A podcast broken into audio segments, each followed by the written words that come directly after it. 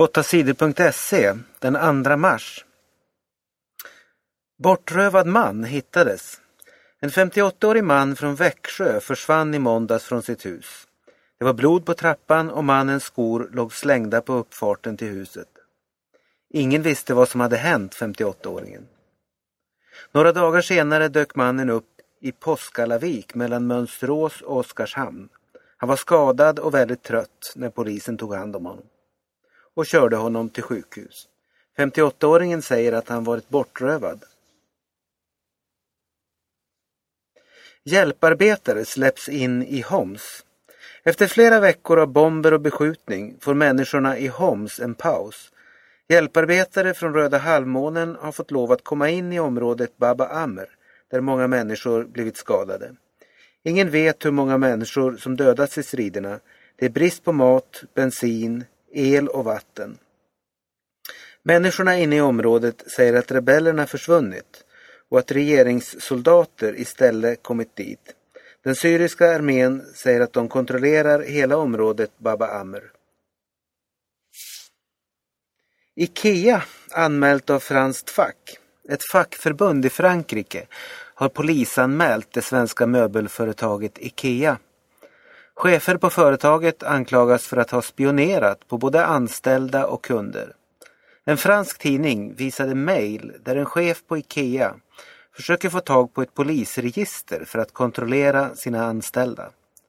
Nu ska polisen undersöka om anklagelserna mot Ikea är sanna. Det är bra att det här blir undersökt, säger Ylva Magnusson på Ikea till DN.se. Kungen begär mer pengar. Kungen och hans familj vill ha mer pengar av skattebetalarna. För de kommande tre åren begär kungafamiljen 398 miljoner kronor. Det blir en ökning med 12 miljoner kronor, skriver tidningen Aftonbladet. De här pengarna ska räcka till familjen och till att sköta slotten.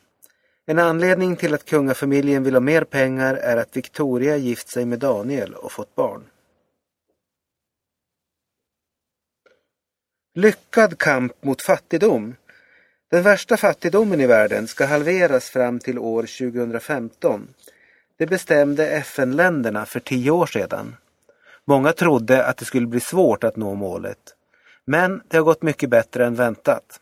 Målet är nått redan idag, 2012. Det säger Världsbanken i en ny rapport. Men det finns fortfarande en miljard människor i världen som räknas som extremt fattiga.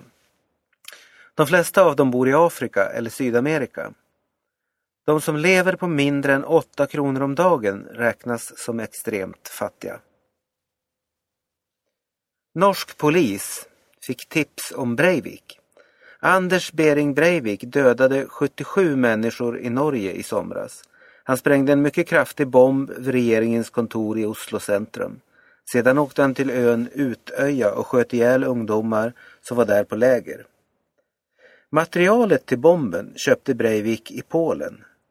Tullpersonalen vid norska gränsen larmade den norska säkerhetspolisen om att materialet var på väg till Breivik. Hade den norska säkerhetspolisen undersökt saken så hade Breivik kunnat stoppas. Men säkerhetspolisen brydde sig inte om mejlet från tullen. De undersökte aldrig varför Breivik köpte kemiska ämnen som kan användas till att bygga bomber. Sverige blev fyra i VM-stafetten. Det blev ingen succé för Sverige i den första tävlingen i årets VM i skidskytte. Sverige kom på fjärde plats i stafetten för blandade lag. Helena Ekholm var bäst i det svenska laget. Hon satte alla sina skott och åkte väldigt snabbt. Jag känner att jag är med där uppe, sa hon efter loppet. Norges lag vann stafetten före Slovenien. På tredje plats kom Tyskland.